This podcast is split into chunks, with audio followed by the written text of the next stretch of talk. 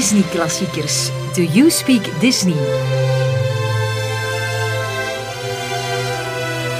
Elke aflevering praten Robin Broos en Jana Martens over een facet van Disney samen met hun centrale gast.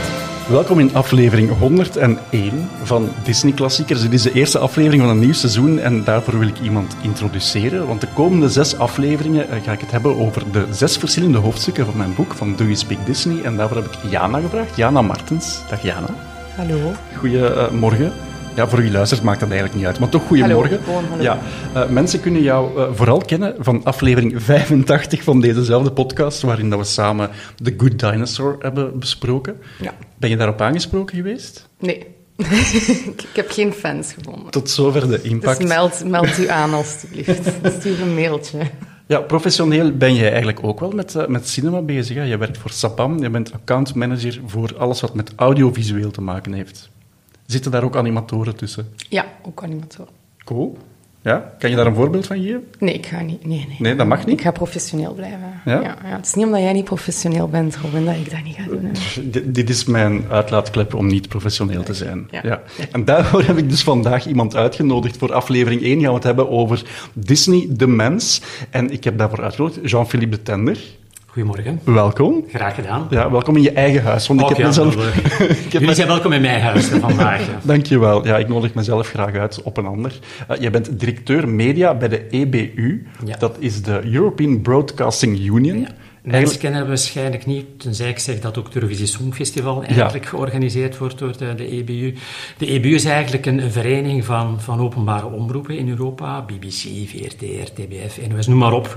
Ze zijn allemaal lid van, eh, van de EBU, die eigenlijk een koepelorganisatie is die de, die de belangen verdedigt van, van die openbare omroepen. Ja, ik wou eigenlijk zeggen, eh, Eurovisie eh, hebben we aan jou te danken of het is jouw schuld eigenlijk? Het, het, het- het is mijn, mijn schuld. Maar ik denk dat er veel mensen graag medeplichtig zijn aan, aan die schuld. Want het blijft toch fantastisch. Ik bedoel, elk jaar kijken eh, tientallen miljoenen mensen naar het Eurovisie Songfestival. En ik vind het een mooi gegeven. Het is niet alleen een fantastische show, maar ook eh, inclusiviteit, diversiteit. Iedereen samenbrengen op het podium in competitie, maar dan toch in, in vrede uit elkaar gaan, is toch Ja. een van de mooiste entertainment eh, Ja. zaken die er is. hè. En Robin en ik, we zijn een heel grote fan. En ik vraag mij zo meteen af, kunnen zo eens iets vertellen dat niemand weet over Oh, Eurovision? er zijn, ik zal ooit Zo een- één, één, één leuk weetje zo, dat we mee kunnen uitpakken. Wel, en dat Madonna echt wel vals zingt, dat kan, dat kan, ik, dat kan, ik, dat kan ik wel zeggen. Ik, ik herinner mij toen, het, eh, toen de repetitie eh, gaande was, eh, eh, toen mocht ik als een van de weinige mensen wel in, de- in de repetitie zijn. En ik dacht, oeh, die zingt, die zingt vals, maar bon, die heeft een legertje mensen mee en een legertje geluidstechnici mee, dus die lossen dat, dat boven wel, wel op in de regiekamer of in de geluidskamer. Maar dat was helemaal niet het geval. Dus, eh, wat mij vooral opviel was, Im noemen ze haar, haar ook niet Madonna. Im, Im komt on stage.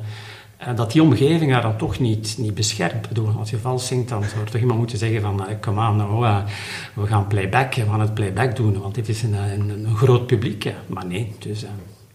eh, Heb je dan ook bijvoorbeeld ehm, Justin Timberlake ontmoet toen die een jaar of vijf geleden... Dat was eh, het eerste jaar toen ik bij de EBU begon, toen eh, Justin Timberlake in eh, Stockholm was het, eh, aanwezig was. eh. maar bon, Eurovisie Songfestival is, daar werken heel veel mensen, duizenden mensen werken mee aan zo- aan zo'n productie. Dus eh, ik moet er eigenlijk heel weinig doen, tenzij er iets verkeerd loopt. Dus als, als je mij hoort of ziet, dan is dat het ergens in het, eh in het honderd loopt. Ja.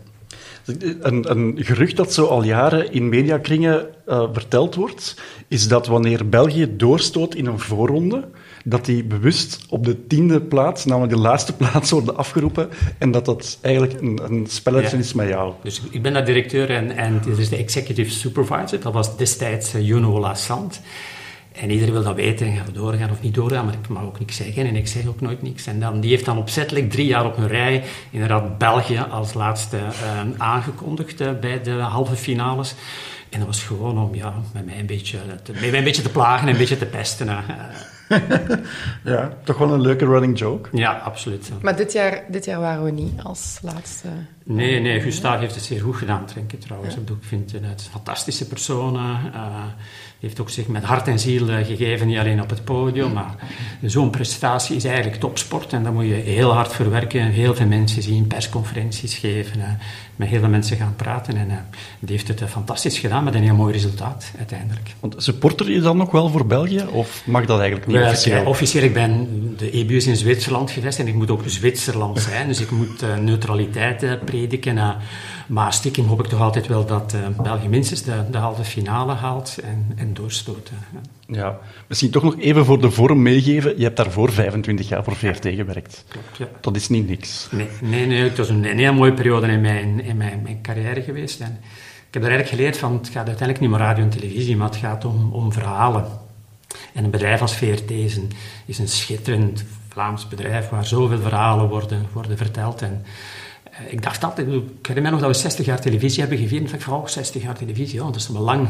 En toen realiseerde ik me, ik, heb er al, ik was toen al 20 jaar bezig bij televisie. Dus ik ben deel van de geschiedenis, ik heb kunnen meemaken, is, uh, is fantastisch. Hè. Maar ja, daar, daar sta je dan wel even bij stil natuurlijk. Ja. ja. Je Oude woorden heet dat, denk ik.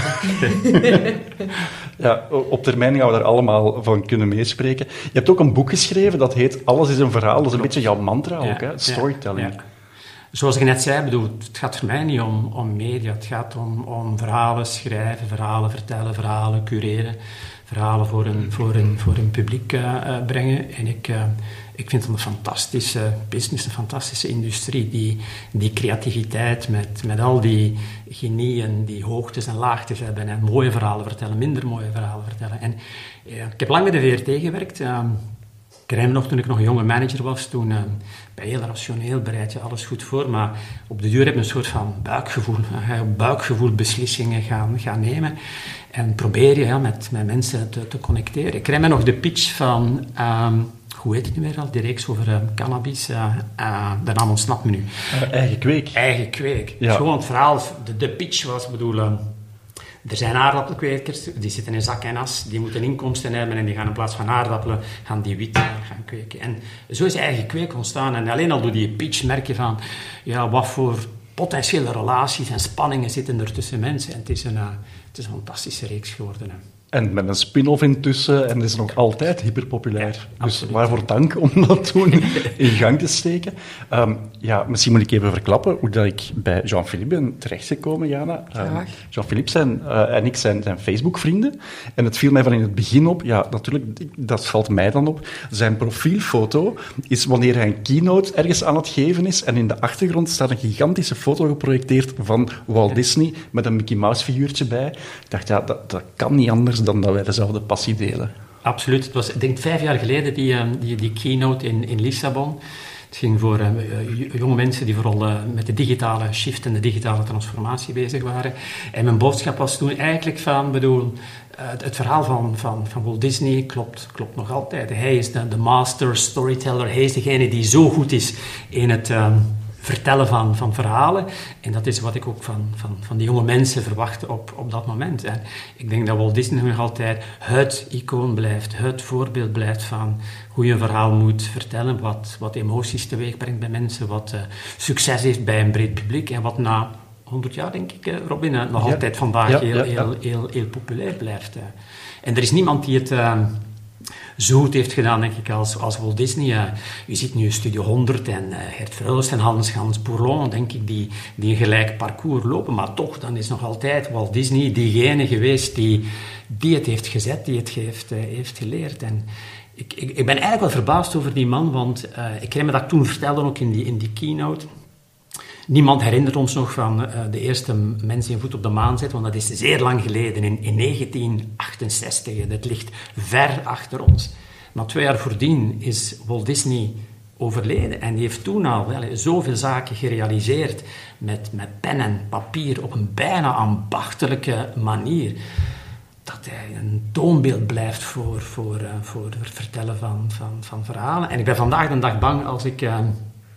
zie wat uh, artificiële intelligentie vandaag met ons teweeg kan brengen, waar verhalen eventueel niet meer uit het brein, uit, uit de verbeelding van iemand als Walt Disney of een creatieve inkomen, die vandaag kunnen verteld worden door iemand die ops, en een druk op de computer uh, een verhaaltje eruit laat, laat, laat, printen en het laat animeren en het laat, laat maken. Nee, geef mij dan maar de, de, de goede oude de Walt Disney nog, nog veel van te leren. Maar denk je echt dat we daar schrik van moeten hebben? Want dat is natuurlijk ook de reden waarom, waarom de schrijvers in Hollywood in staking zijn gegaan, omdat zij onder andere schrik hebben dat hun job overbodig gaat worden? Nee, uiteraard moeten we daar geen schrik van hebben. Ik denk dat artificiële intelligentie ons in heel veel zaken kan, kan helpen. Waar ik niet uit ben, is je de verbeelding, het rechterbrein, right brainers will rule the world, of je dat nu plots ook moet gaan overlaten aan, aan, aan, aan een computer. En um, serendipity, wat, wat bij toeval gebeurt, is, is net het leuke aan het, aan het menselijke brein. En alles wat uh, artificiële intelligentie niet is, is die toevalligheid, die serendipity, want alles is gebaseerd op een algoritme wat succesvol is geweest in, in, in de past, in het verleden. En dan merk ik zelfs bij het Eurovisie Songfestival uh, vandaag, uh, ja, je kunt een Eurovisie Songfestival liedje gaan schrijven op basis van al die andere liedjes die je in de computer hebt, hebt, hebt, gestoken. En dan weten van, oh, dit is het nummer dat, dat, dat zal winnen.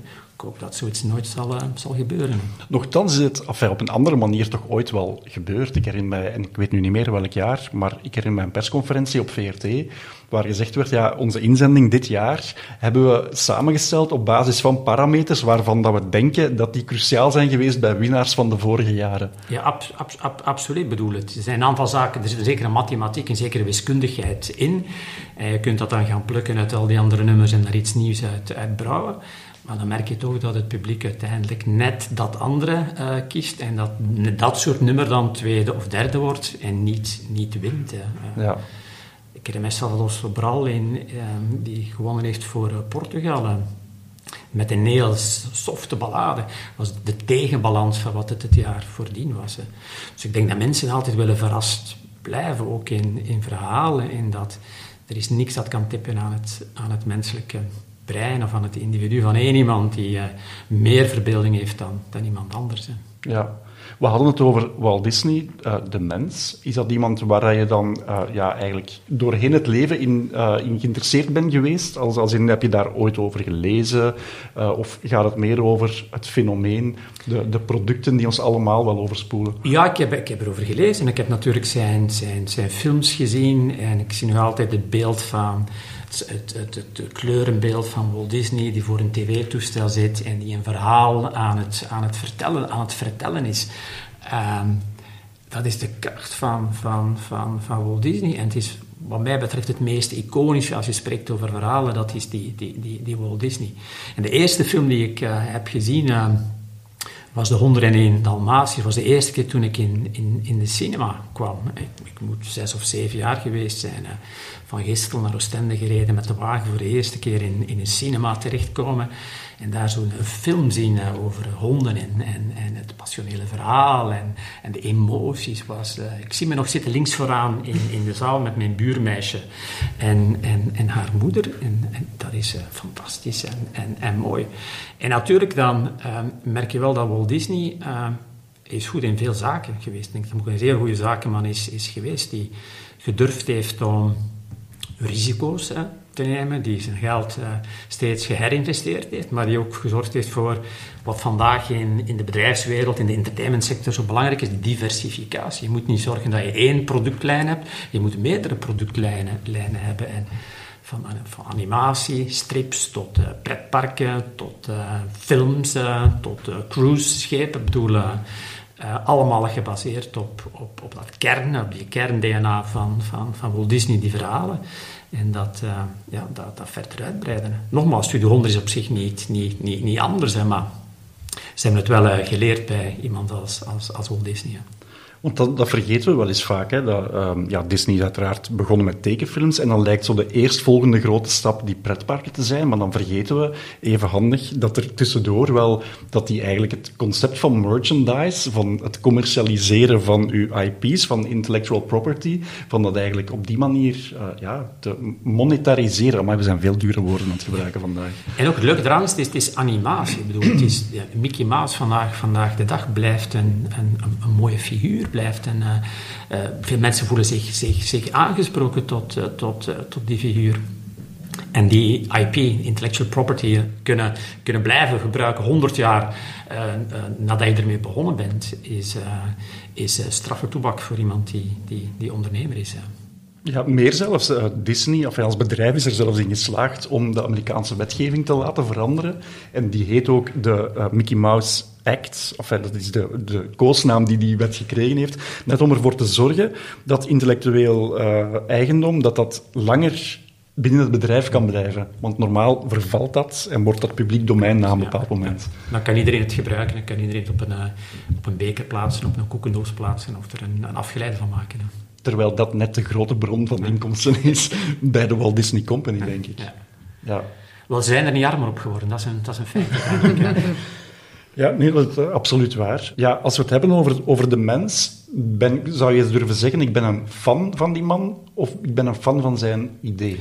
Ik, ik, eh, ik ben een fan van, van zijn idee, maar ook een fan van, van die man. Ik bedoel, het is ook... Het, is ook een heel, uh, het ziet er een heel warme, ik heb hem nooit ontmoet, maar het ziet er een heel warme figuur uit, een, een, een familieman.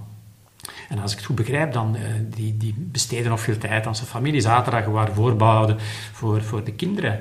Terwijl toch uit, uiteindelijk aan het werk was op die zaterdag, want hij zag wat, zijn kinderen graag deden en, en, niet graag deden. En ik denk dat zijn brein permanent aan het, aan het werken was. Dus het, is een, ziet er een lieve, een warme, warme, warme figuur uit. En, en die ook uh, uh, prominent aanwezig was in het, in het bedrijf. Want hij heeft ook documentaires gemaakt, heeft ook verhalen voorgelezen en verhalen verteld. Je associeert uh, het hele Disney-bedrijf met, met Walt en veel minder met zijn broer. Mm -hmm. Maar toch wel uiteindelijk in zee is gegaan om het, uh, om het bedrijf te starten. Maar hij is die iconische figuur, die een goede ondernemer was, maar ook een goede verhalenverteller was. Hè. Ik denk dat je de twee nodig bent. Ik bedoel, je kunt een goede ondernemer hebben, maar niet het juiste product of het juiste verhaal hebben.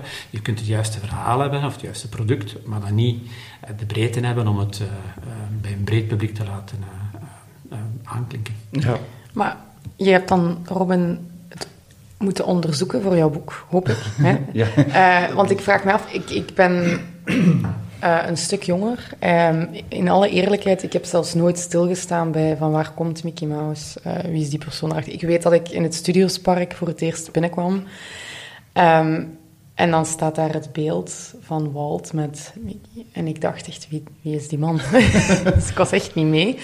Dus ik vraag me af, was het, was het, was het een warme man? Mogen, um, mogen, we naar hem opkijken als persoon ook? Of? Ik moet wel toegeven dat ik daar lang mee um, geworsteld heb voor mezelf. Uh, dus ja, een kleine uh, petit histoire tussendoor. Uh, ik ben geïnteresseerd geraakt in Disney door een boek dat ik ontleend had in de Bib van Leuven. Dat heette The Art of Walt Disney. Een heel dik boek. En twee derde gaat over de films, dus heel veel animatie, maar dus ook die natuurdocumentaires, die, die langspeelfilms die hij uiteindelijk is gaan maken. En het laatste deel was de pretparken. En daar was ik super door gefascineerd. Wat dus maakt, ik wil me daar nu ook officieel voor excuseren, dat dat boek uh, drie jaar lang niet uitleenbaar was in de Bib van Leuven, want dat bleef gewoon bij mij thuis liggen. Uh, ik heb het intussen ook ergens tweedehands kunnen kopen, dus allee, ik ben er wel heel blij mee. En um, in zo'n verhaal, in zo'n boek, wordt wel zo de persoon als Walt Disney inderdaad voorgesteld als dat is de warme, lieve, uh, aaibare um, nonkel Walt, wordt hij dan genoemd. Um, maar ik heb in die periode ook wel een, een biografie van hem gelezen, omdat ik meer wou weten. En ik was een beetje, ja, een beetje teleurgesteld omdat daar heel veel kleine kantjes in naar boven kwamen. En dat boek heette uh, Hollywood's Dark Prince. En daar komen echt wel dingen in aan bod als hij zou infiltrant geweest zijn voor de FBI, hij was een racist, hij was een vrouwenhater. Of hij eigenlijk allemaal uh, niet zo'n fijne dingen. En ik wou dat nu voor eens en voor altijd, want ik durfde eigenlijk nooit zeggen, ik ben fan van Walt Disney, ik ben fan van het concept Disney. En ik wou nu wel eens weten, klopt dat allemaal? En heel veel dingen in die, in die biografie zijn echt wel, vind ik, achteraf bekeken, heel zwaar overdreven. En het is, is ook maar menselijk van kleine kantjes te hebben. Tuurlijk, hij hij zal ook geen, geen heilige geweest zijn. En, en het is vaak moeilijk, denk ik, wanneer een, een bedrijf één op één geassocieerd wordt met, met een figuur. Hè. Steve Jobs met, met, met, met Apple, uh, Elon Musk met, met, met, met Twitter vandaag, vandaag de dag. Hè.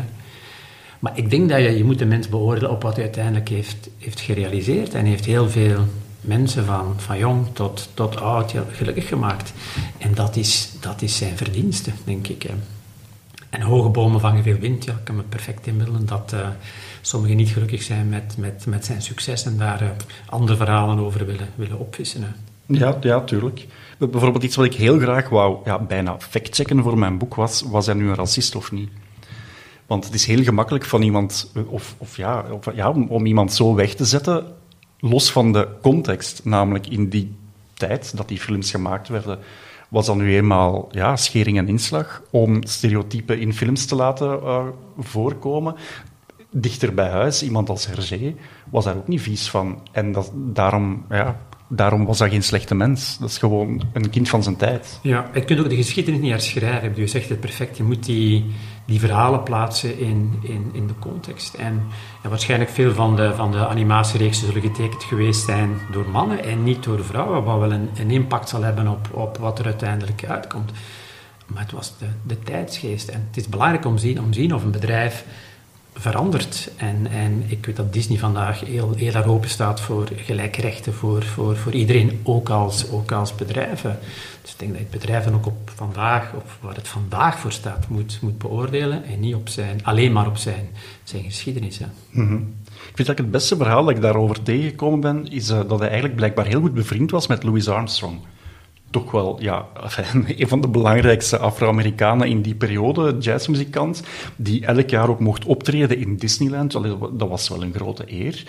Um, hij was zelfs gevraagd om mee te doen in The Jungle Book als King Louis, maar uiteindelijk is dat dan niet doorgegaan, omdat er iemand dacht, ja, uh, dat is misschien wel raar als we een zwarte man gaan casten als aap. Daar gaan we kritiek op krijgen, dachten ze toen al in uh, midden jaren 60. Uh, dus dat is een beetje treurig voor, voor Louis Armstrong, maar dat ja, zette mij wel tot nadenken. Als hij dan echt een racist was, waarom zou hij dan zo graag werken met gewoon ook creatieve, talentvolle zwarte mensen? Ik denk dat het gewoon ja, iets jammer genoeg van die tijd was. Ja, en dat, je, en dat je, het in verhalen soms opduikt. En je zei dan ook dat hij een, afgeschilderd werd soms als een vrouwenhater? Als enige vrouw hier aan tafel. Hoe, erg klopt dat dan? Ik denk dat dat er dan weer veel mee te maken had. Dat um, inderdaad, wat, Jean-Philippe net zei, heel veel van die tekenfilms werden gemaakt door mannen. Of, of nee, mannen kregen gewoon de beste jobs. Die mochten de, de figuren uitdenken, die mochten de belangrijke tekeningen maken. En vrouwen zaten ergens in een lokaal apart en mochten die tekeningen dan achteraf inkleuren. Die zaten in de afdeling inkt en paint. En dat, ja, ik denk dat dat ook gewoon de, in die tijd zo was. Dat, dat als vrouwen al aan het werk gingen en niet gewoon thuis bleven, dat die ook gewoon de minst interessante jobs kregen. Maar zit het vandaag? Als je naar vandaag naar de animatiereeksen kijkt, naar de animatiefilms kijkt, wie zijn vrouwelijke regisseurs, mannelijke regisseurs, uh, verhalenvertellers, uh, zit die mix juist? Ik heb het gevoel van wel, ja. Het is ook wel iets wat je ook net aanhaalde. Disney maakt er nu wel de laatste jaren een erezaak van om zo divers mogelijk te zijn. En als er bijvoorbeeld een vrouw in de regiestoel zit, van dat heel fel uit te spelen. Um, en het is ook geen uh, liefdadigheidsinstelling. Hè. Zij hebben daar uiteraard ook onderzoek naar gedaan uh, en, en, en de balans gemaakt van ja, als we dit doen, trekken we een bepaald soort publiek die fortuinlijk zijn, dus gaan we die weg, uitsla- die inslaan.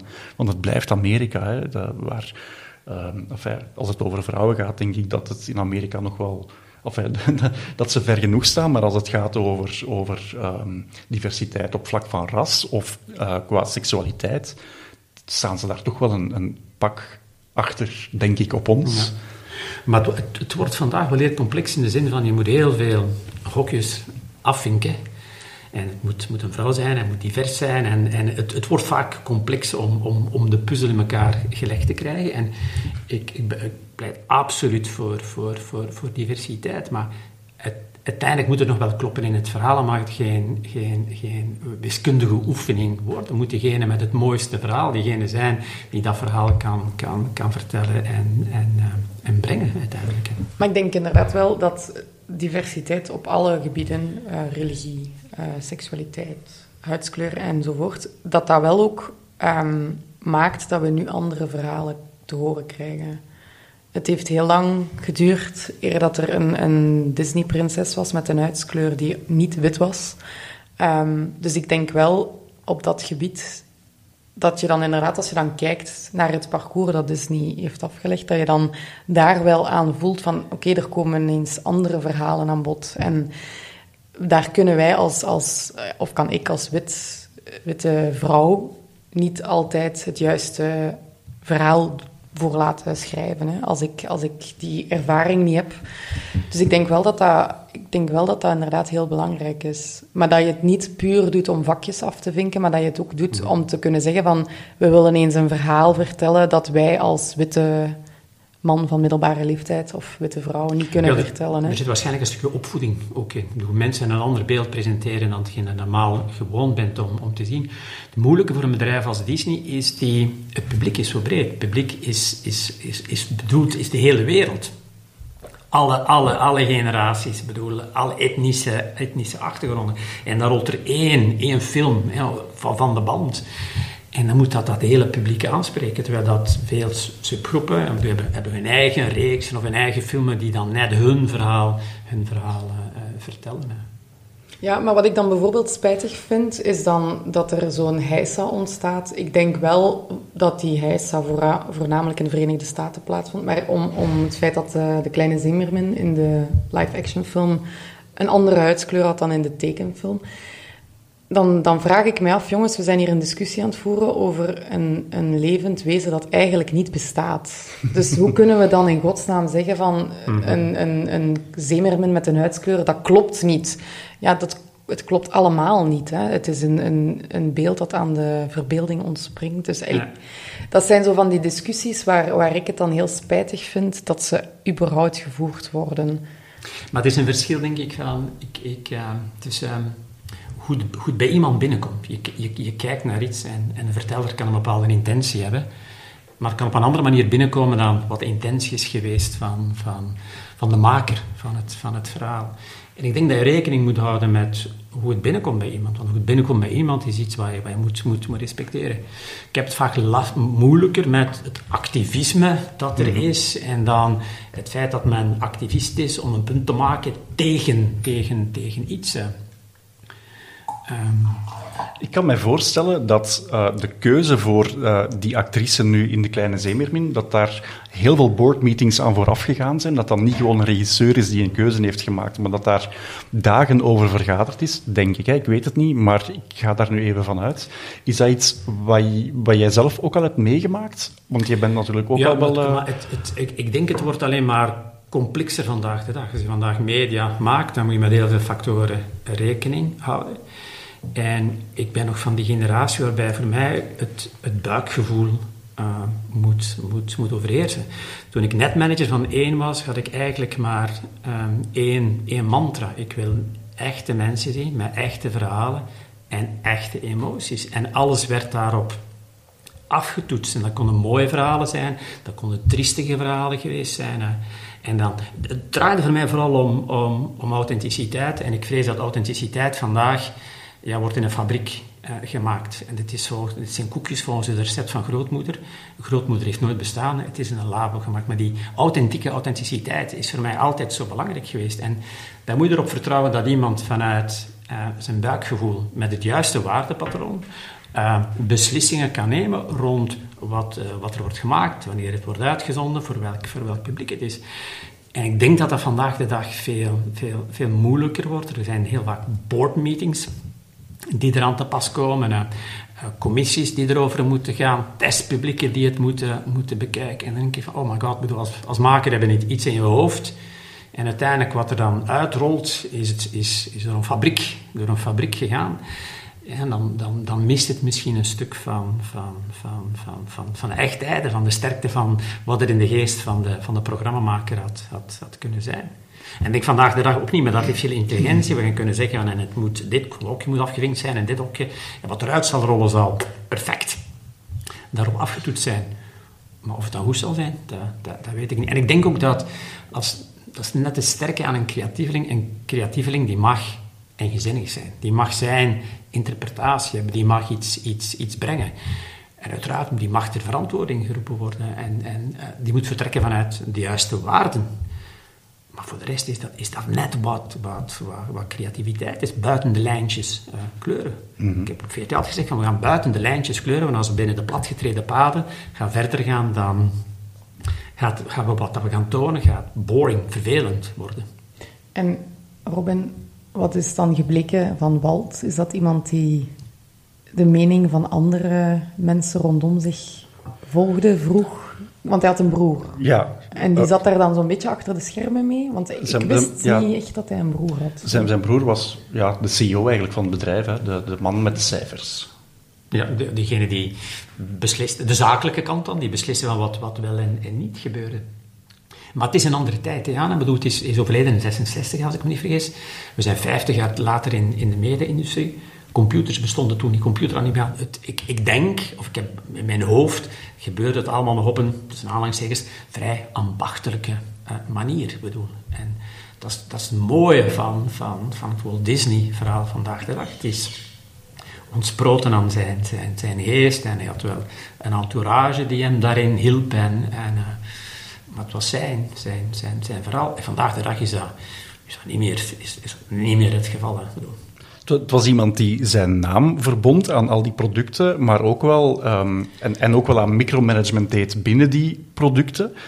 Maar het was niet noodzakelijk de grote creatieveling die alles uitdacht. Bijvoorbeeld Mickey Mouse is eigenlijk ook vormgegeven door iemand uit de studio. Zelfs zijn handtekening heeft hij niet zelf bedacht. Hij heeft gewoon aan iemand gevraagd, verzin voor mij iets dat er goed uitziet, dat leuk is, wat ik makkelijk kan zetten.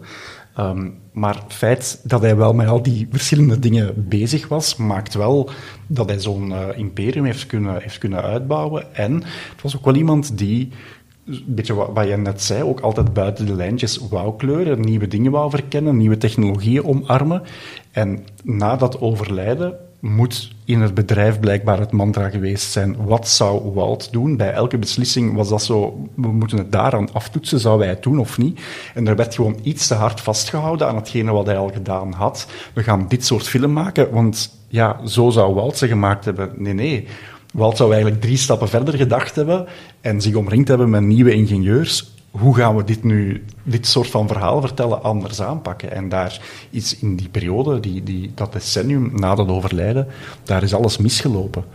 Er, er zijn geen goede tekenfilms meer gemaakt vanaf een bepaald moment. Ehm, die, die tekenfilmstudio was bijna opgedoekt, gewoon omdat niemand nog naar die films ging kijken.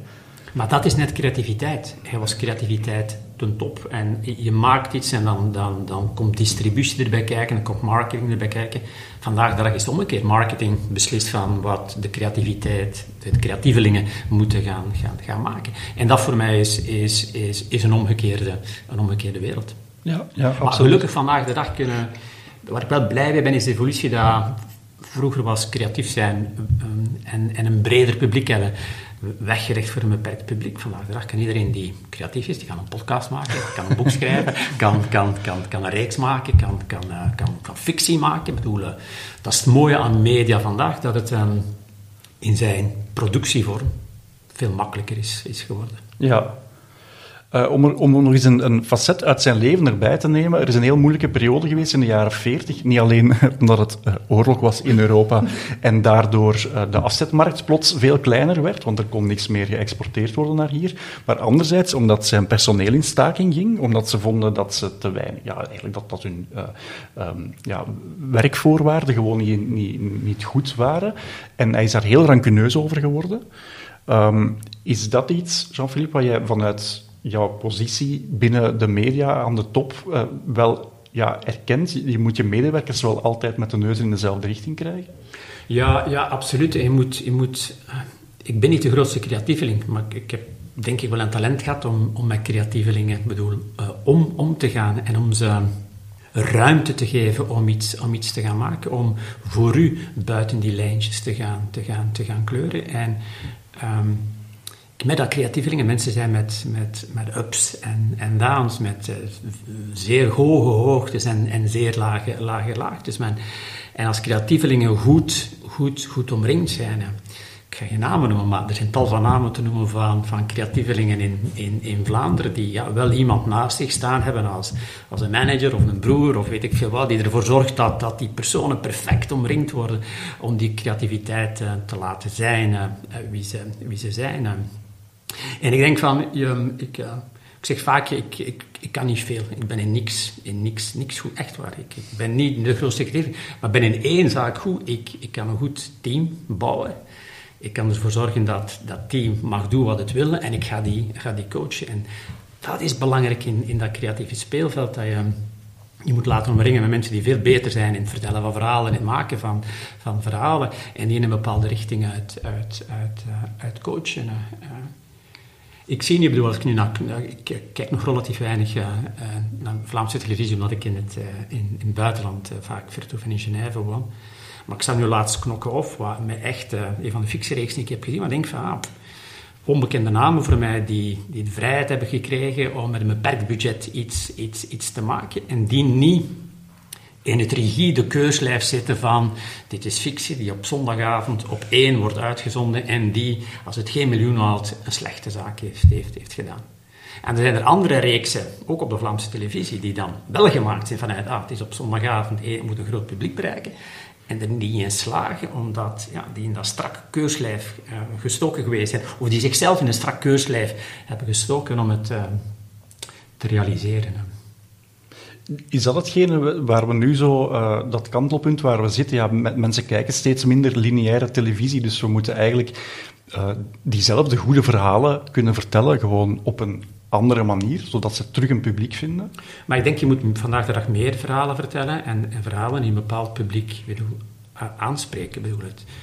Uh, het 7 uur journaal ja, is, is, is, is, is, is, Voor wie wordt een 7 uur journaal, een nieuwsbulletin, nog, nog gemaakt? Als ja. de helft van de bevolking intussen al online weet wat er gebeurd is. Uh, als de echte fanatiekelingen dan ook uh, de, de duidingsprogramma's volgen. Maar hoe wordt er vandaag de dag nieuws gemaakt voor mensen die uh, minder makkelijk snappen wat er in, in de wereld gebeurt? Ik zie ook bij de EBU dat de, de jeugdjournaals niet alleen worden bekeken door kinderen en jonge mensen, en door, door heel veel oudere mensen worden gekeken. En ik dacht in het begin, ah, ja, dat zijn mensen, dat zijn de opa's en de oma's die meekijken met de kleinkinderen. Nee, het zijn mensen die niet snappen hoe de wereld in elkaar zit. En dat is het punt dat ik wil maken. Ik bedoel, je moet verhalen op meerdere manieren gaan, gaan, gaan vertellen. Kort, lang, veel budget, klein budget, uh, animatie.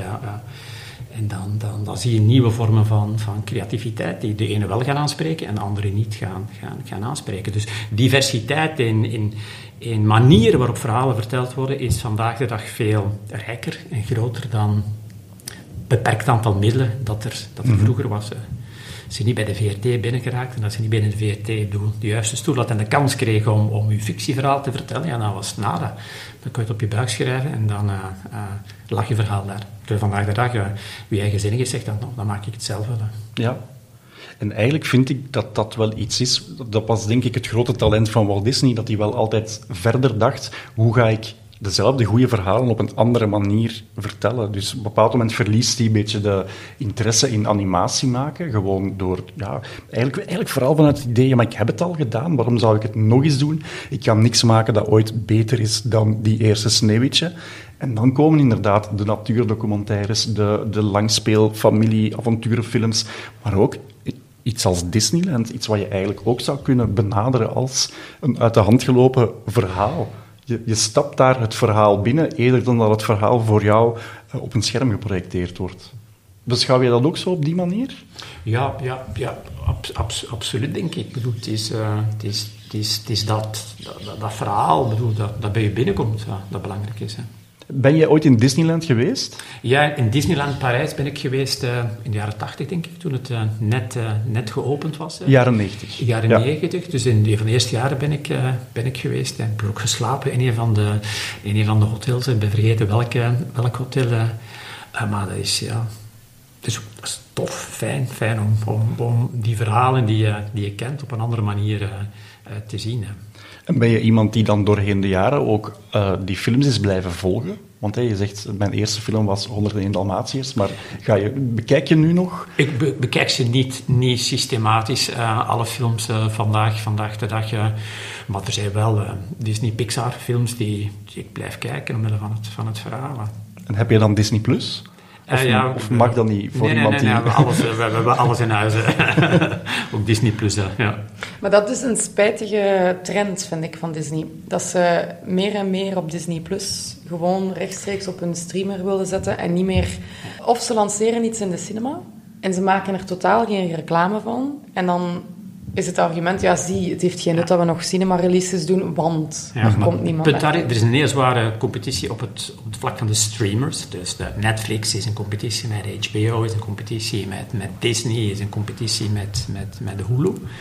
Dus wat die de afgelopen jaren hebben gedaan, is alles wat ze geproduceerd hebben, houden ze voor hun, voor hun eigen winkel. En je moet naar hun winkel gaan om het te kunnen zien.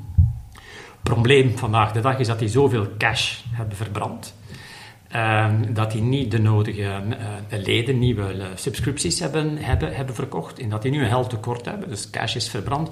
Dus die moeten nu terug alle producten op de markt gaan, gaan, gaan, gaan gooien. Want anders dan hebben ze geen cash meer om, om nieuwe reeksen te gaan, te gaan maken. Het is, het is vooral vertrokken vanuit, vanuit, vanuit de competitie tussen uh, de grote tech giants dat net het uh, minder toegankelijk wordt. Hè. Maar je merkt nu dat mensen, uh, ja, die abonneren zich op Netflix voor drie maanden en dan mm. voor twee maanden op Disney Plus en dan nog eens, uh, en dan zuigen die alle inhoud, alle programma's die daar zijn leeg en dan gaan die naar de volgende. En dat is een, een model dat economisch niet, niet haalbaar is voor, voor die, die, die, hebben veel geld, maar er wordt toch veel geld verbrand, dus dat kan niet blijven duren. Ja, heel concreet in het geval van Disney is het eigenlijk ja, de, de tak van de pretparken die het bedrijf nu financieel gezond houdt. Want ze maken ontzettend veel verlies met die Disney+. Plus. Maar ook daar begint het bergaf te gaan, omdat er overal concurrentie is van, van dat soort van uh, familie-entertainment. Dus ik, ik hou daar wel een beetje mijn hart voor vast, wat dat op lange termijn gaat geven. Ik, ik, denk dat Disney gaat genoodzaakt zijn op den duur om de mastodont die zij nu zijn, van terug weer uh, te gaan downsizen, van bijvoorbeeld een Fox terug te gaan afstoten.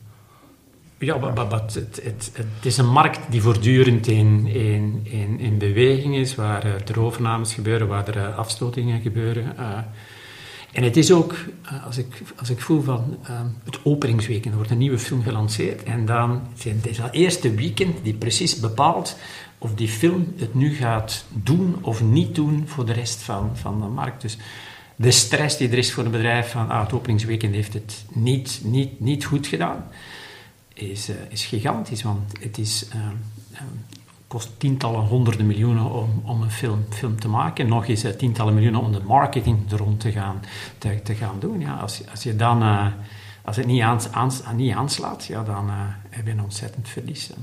Maar dat is ook wel iets wat wij hier in Europa eigenlijk heel uh, moeilijk kunnen begrijpen, of waar wij totaal geen, geen affiniteit mee hebben. Zo dat openingsweekend. Ik was nu toevallig, enfin, ik was op vakantie in de VS, uh, de week dat de Barbie-movie uitkwam. Dat was waanzin. En ik wou hem daar natuurlijk gaan zien, maar dat was echt al, allee, gaan zoeken naar een cinema waar überhaupt nog twee plaatsen waren. Want dat was weken op voorhand allemaal al uitverkocht. Dus inderdaad, die marketingmachine is volledig gericht op dat eerste weekend. Dat is iets, bij ons bestaat dan niet. Bij ons toch nog meer zo mond-aan-mond reclame. En, en, en hoeveel mensen gaan die nu pas naar die Barbie-film kijken, omdat ze er zoveel over gelezen hebben? Maar het probleem is, als, als de film slecht start, dan ontstaat de perceptie, ja, het is een slechte film, en dan gaat de rest van het publiek niet meer zien, want dat openingsweekend heeft niet, niet gewerkt. En ik ga nu ook kijken naar de Barbie-film en naar Oppenheimer, omdat dus je scoren blijkbaar allemaal goed. En dan, je, dan denk ik, ah, het moet een goede film zijn, want daar gaan veel mensen naar, uh, naar kijken. En gelukkig is dat bij ons ook niet het, niet het, niet het geval. Ik denk dat mm, wat dat betreft Europa en, en Azië voor een stuk uh, ja, blijven toch nog uh, vaak kleinschaliger en ook vaak, vaak artistieker is misschien niet het juiste woord, maar die, die, die blijven nog investeren in, in, in kleine projecten waar die auteur, die maker, uh, zichzelf kan, kan, kan zijn. Ik, ik, wil er nog eens een heel ander facet van de persoon Walt Disney bijnemen. De, de man zelf, je, je, gaf al aan het begin al aan, het was echt een familieman ook. Wat een beetje in contrast staat met zijn jeugd, want hij had een heel moeilijke band, vooral met zijn vader die, uh, ja, als, als kind moest hij ook al gaan werken, gewoon puur omdat er brood op de plank moest komen. En zijn vader heeft eigenlijk altijd gezegd, uh, die, die uh, artistieke dingen die hij wil doen, daar gaat hij nooit geld mee kunnen verdienen, dus hij was daar ook een beetje tegen.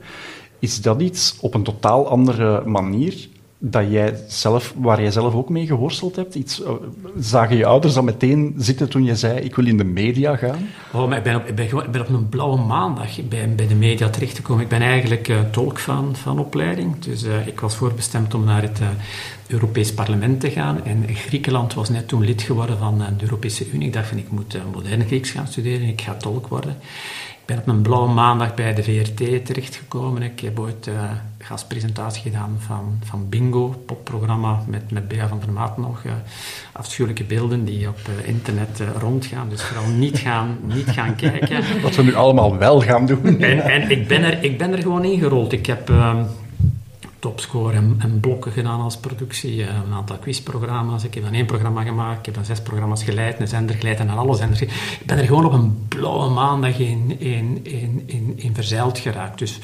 um, bij mij is het uh, puur toeval geweest. En ik had nooit de ambitie of de droom om, om in de media terecht te komen. Ik was misschien goed in, in, in het snappen van verhalen, misschien, maar... Uh, ik, en ik, uh, ik heb ook nooit een carrière willen maken. Gewoon de volgende stap is, is, altijd gekomen. Misschien gevraagd van, ah, wil jij eindredacteur worden? En ik herinner me nog goed Jan van Rompuy, uh, ik werkte met Jan van samen en ik was een van de redacteurs en zei, wil jij eindredacteur? En ik van, nee, die drie stoelen naast mij, dat hij moet toch de eindredacteur En hij heeft iets in mij gezien, wat, talent in mij gezien. en zo is het, is het gegaan. Maar in het geval van Walt Disney, ja, bedoel is hij een surrogaat? Is hij, is hij een surrogaatvader? Is hij, wil hij de ideale vader zijn die, voor de rest van de wereld die, die hij thuis nooit heeft, heeft gehad? Ja, ik denk dat er bij een stukje misschien compensatie in zit. Uh, tenzij het allemaal idyllischer voorstelt, uh, Robin, dan, dan ja. het in werkelijkheid is. Uh. Er is zo'n quote dat, dat ik in het boek heb opgenomen waar hij zegt van ja, ik ben Walt Disney niet. En daar bedoelde hij mee, ja. de wereld heeft een idee van wie Walt Disney is, en dat is de, de tamme goedzak, de leuke onkel, de, de creatieveling. Maar thuis is hij ook maar diegene die, die vloekt wanneer hij zijn koffie morst en die de hele dag zit te roken. Ja. Nee, maar dat zal ook, dat zal ook absoluut goed, goed zijn. En mensen vereenzelligen uh, Walt Disney met de persoon die je uh, op, op televisie ziet en de persoon die, die, die iets gemaakt heeft. Maar ik, ik, ben toevallig ook een coach executive coach en daar spreken we vaak over persoon, rol en organisatie. Walt Disney is een persoon, de organisatie is de Walt Disney eh, bedrijf en daar heeft een, speelt hij een bepaalde rol. Maar thuis in het gezin zal hij absoluut een andere um, rol gespeeld hebben dan, dan wat hij daar buiten speelt. Ja iemand die dat nalatenschap en dan toch wel ja, de, de, de eer van Disney hoog wil houden, of, of ja, was, want ze is intussen ook overleden, was zijn, zijn enige biologische dochter. Hij had twee kinderen, een geadopteerd kind en uh, Diane Disney, de dochter. En die vonden het eigenlijk altijd verschrikkelijk dat er ontzettend veel broodje A-verhalen de ronde deden, zoals het uh, FBI-verhaal of het racisme-verhaal, uh, of nog erger, dat hij na zijn dood zou ingevroren zijn. Wat trouwens wel grappig is, want hij zou effectief inlichtingen ingewonnen hebben. Hij zou effectief, dus dat was een nieuwe technologie die uh, getest werd op het moment dat hij eigenlijk, ja, het laatste moment van zijn leven, hij heeft daar uh, inlichtingen voor ingewonnen. En op het moment dat hij gestorven is, was het patent nog niet goedgekeurd voor die technologie. Waardoor hij is dus eigenlijk echt zo op een paar weken te vroeg gestorven. Anders was hij misschien ingevroren. Maar dat uh, terzijde, Diane Disney vond het verschrikkelijk uh, ja, dat eigenlijk haar vader een merk geworden was, dat niemand nog echt wist wie dat hij was. En die heeft bijvoorbeeld nu een geweldig mooi museum opgericht in San Francisco, het uh, Walt Disney Family Museum, waar dat je heel die geschiedenis van zijn, van zijn carrière, van zijn, de verschillende facetten van zijn carrière kan zien, maar op een, op een eerlijke manier. Ook met aandacht voor de stakingen, voor de, de kleinere kantjes. Ben je daar ooit geweest? Nee, nee ik ben er, ben er nooit geweest. En, uh, en, nu ik het boek gelezen heb, uh, zal ik er eens moeten heen gaan de volgende keer dat ik in, uh, in San Francisco of in, in, in, in Los Angeles kom. Maar natuurlijk, het is wel...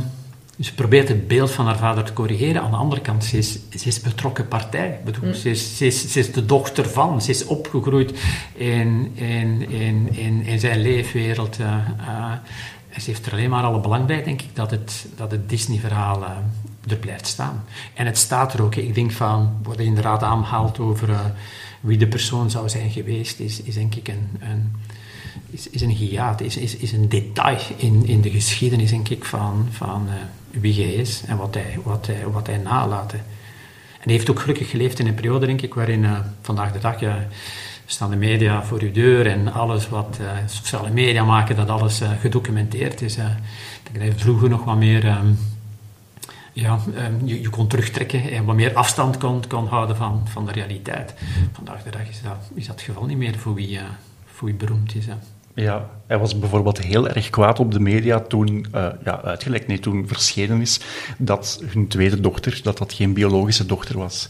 Uh, ja, waarschijnlijk omdat dat nog... Uh, dat is toch in, mooi, het feit dat het is irrelevant of je nu een biologisch kind bent of niet, als je opgegroeid wordt, bent in, in, in dat gezin. En dat is dan typisch voor de media, dat de media gaan dan de negativiteit gaan, gaan opsporen. En wat is de boodschap van het feit dat hij van zijn twee kinderen niet, niet een biologische dochter is?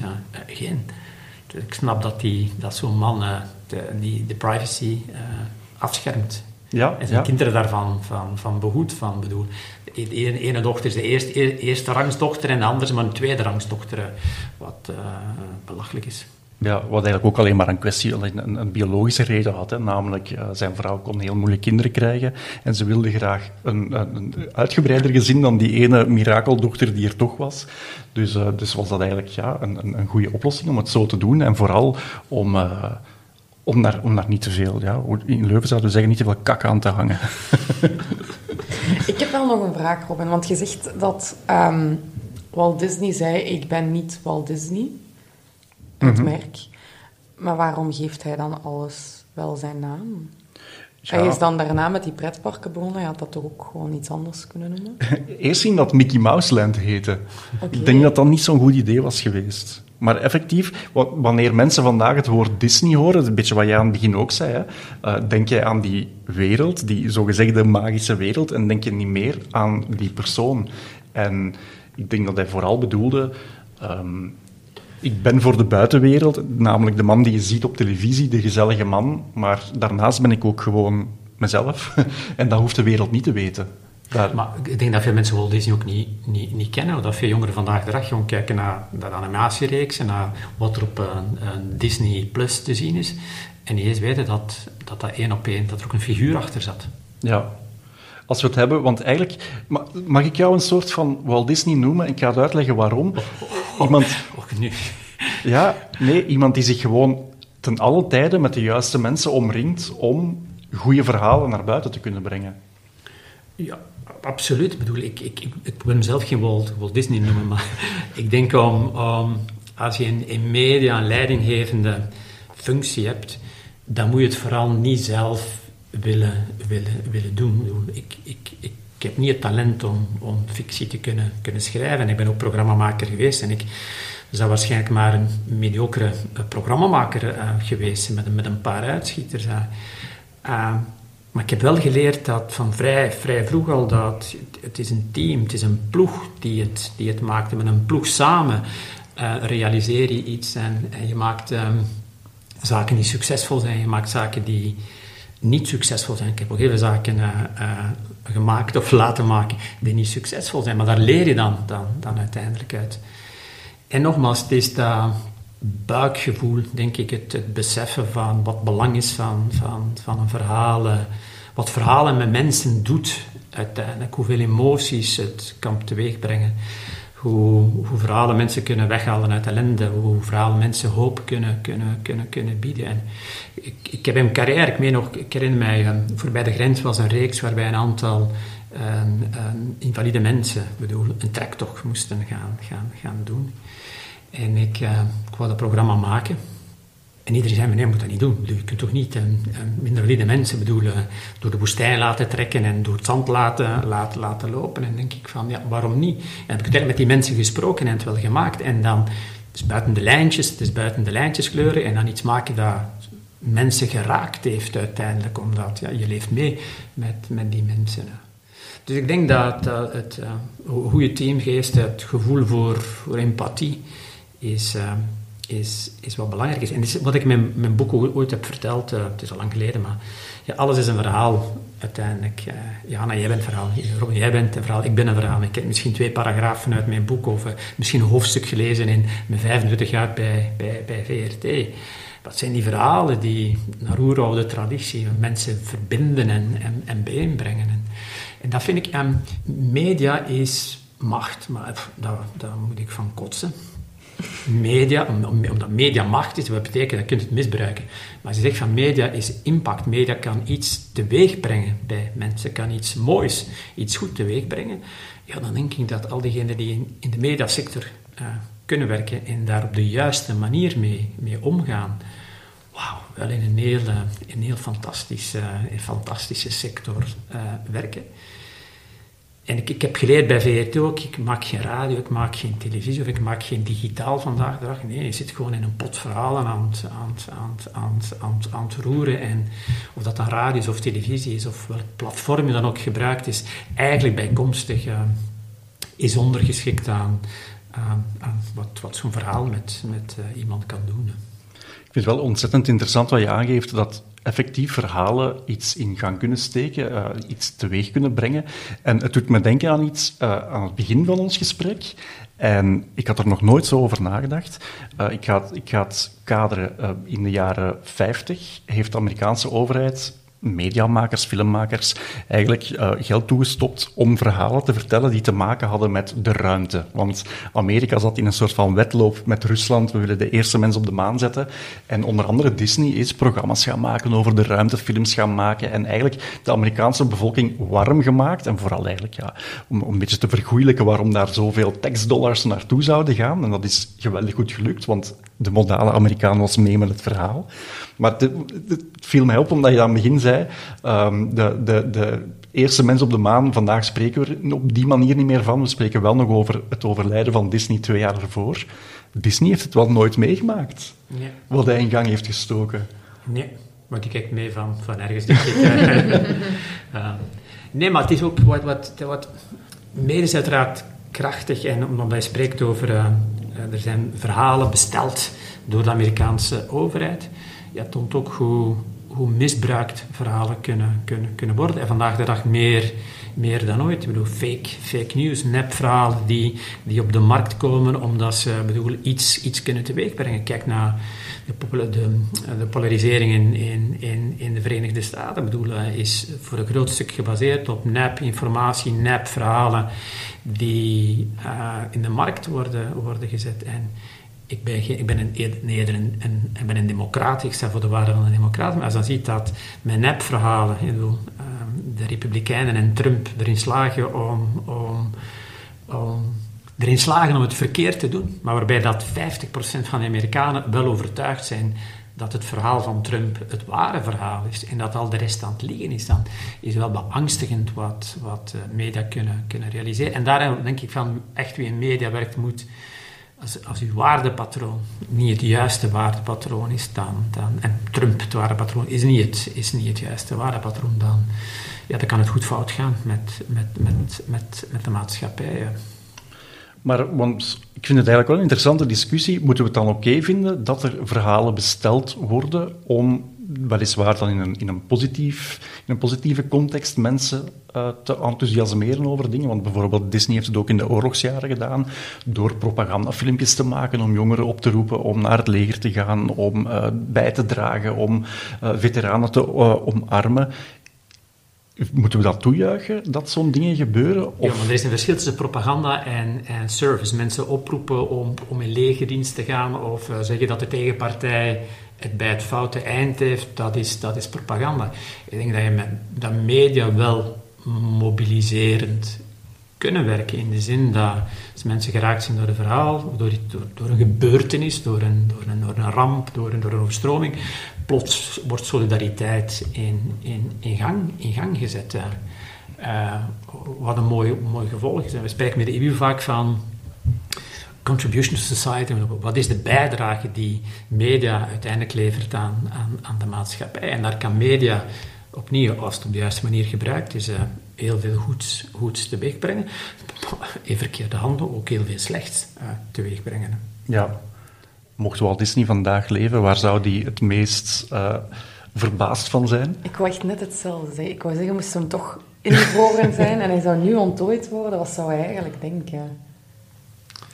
Goh, goede vraag. Um, ik denk dat hij nog altijd trots zou zijn op uh, uh, wat er gemaakt wordt in zijn, in zijn, in zijn bedrijven.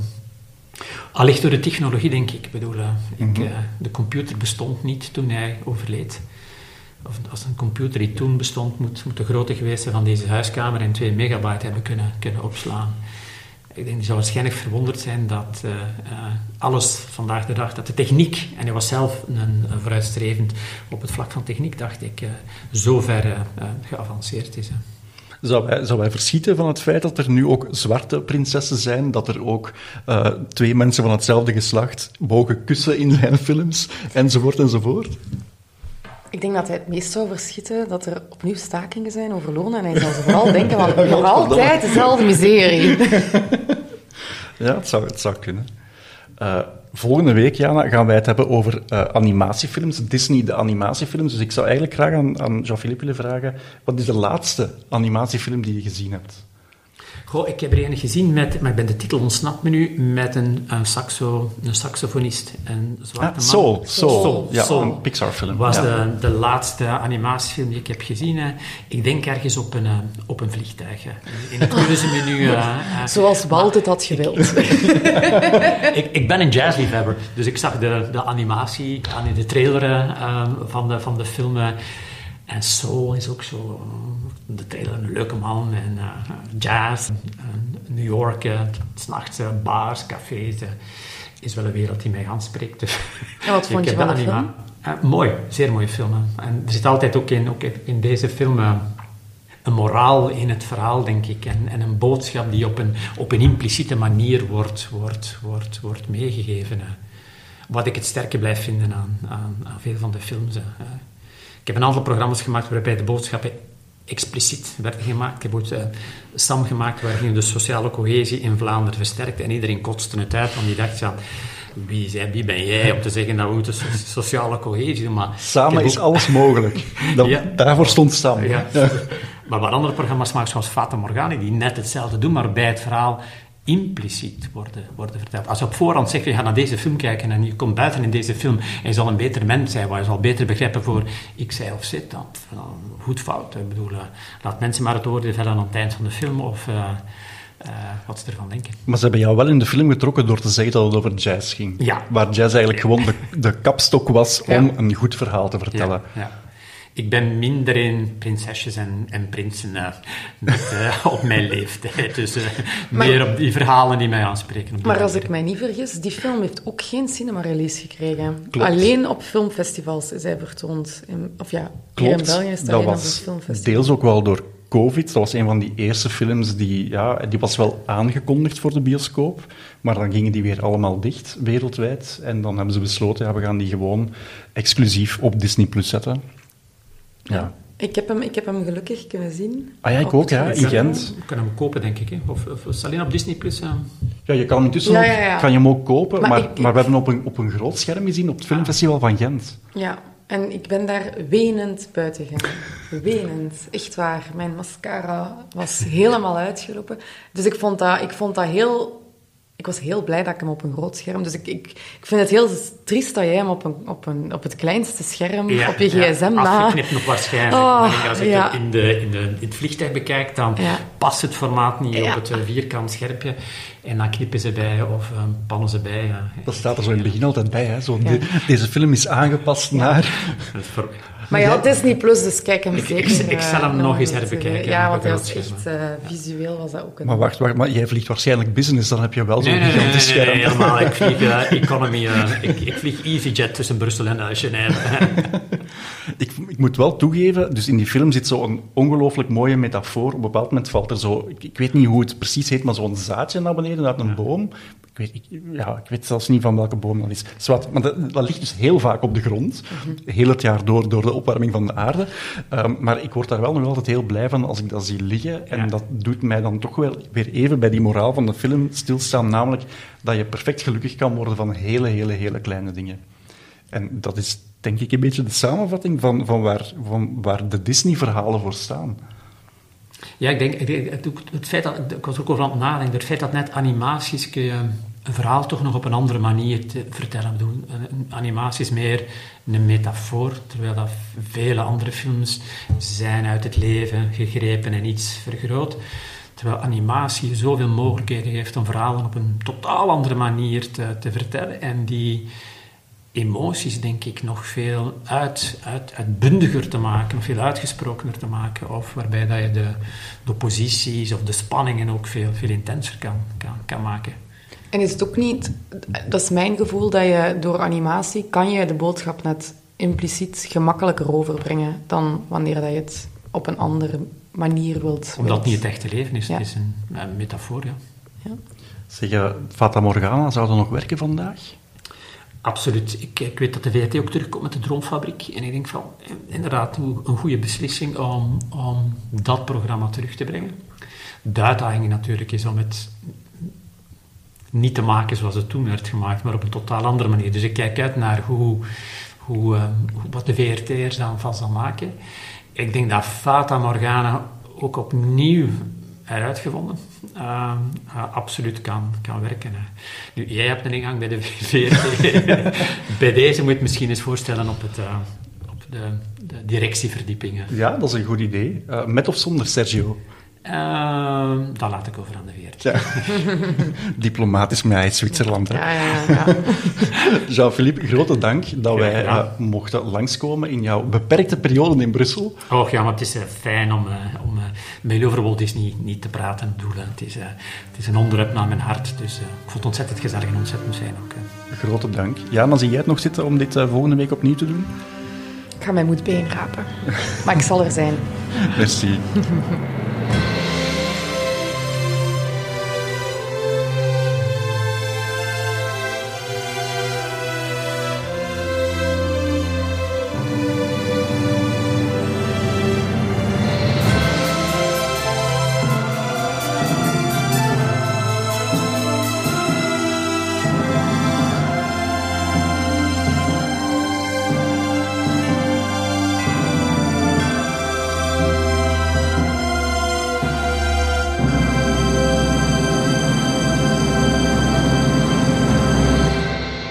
Al je vragen of opmerkingen naar robin.robinbros.be of post ze onder de hashtag Disney Klassiekers.